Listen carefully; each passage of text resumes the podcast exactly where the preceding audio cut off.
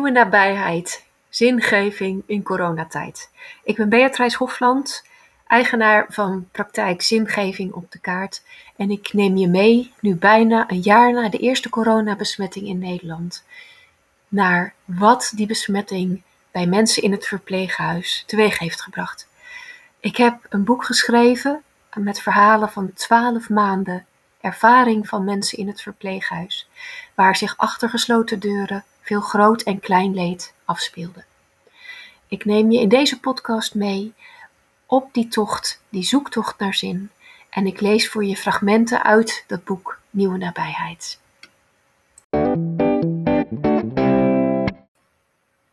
Stille ramp. Zonnige dag in het voorjaar.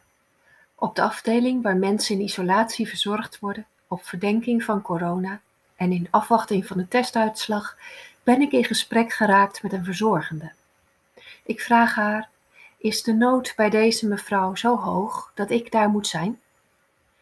Daarmee duikel ik meteen in een enorm dilemma. Want waar ben je nu niet nodig? Er is alleen een enorm gebrek aan beschermende middelen. We willen zo goed mogelijk voor de mensen zorgen, ze veilig houden en beschermen, maar willen niet dat ze in alle eenzaamheid ziek worden of het laatste deel van hun leven in eenzaamheid moeten doorbrengen. En dat dilemma is nog niet voorbij. Ik houd mijn hart vast voor wat er verder gaat gebeuren. Nu ben ik normaal gesproken niet zo'n fatalist, maar deze nieuwe omstandigheden zijn bijna angstaanjagend.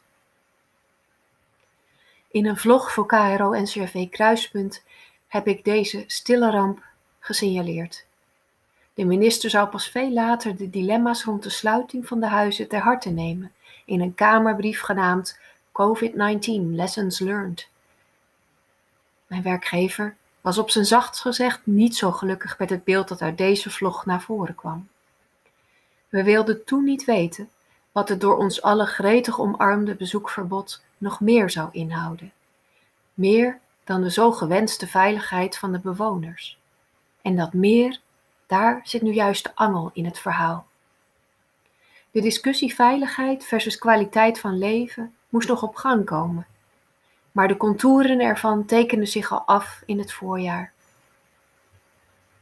Eenzaamheid is een vloeibaar begrip, tot het stolt en tastbaar wordt.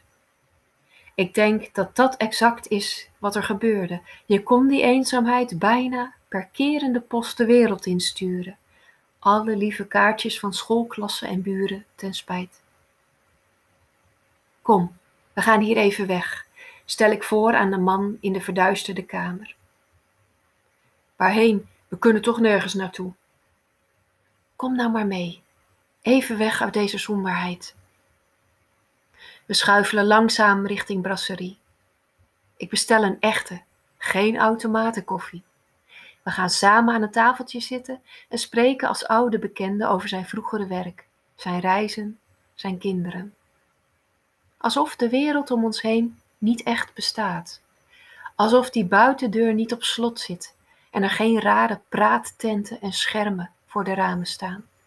Gewoon koffie en troost, die ik misschien zelf op dat moment ook wel heel hard nodig heb.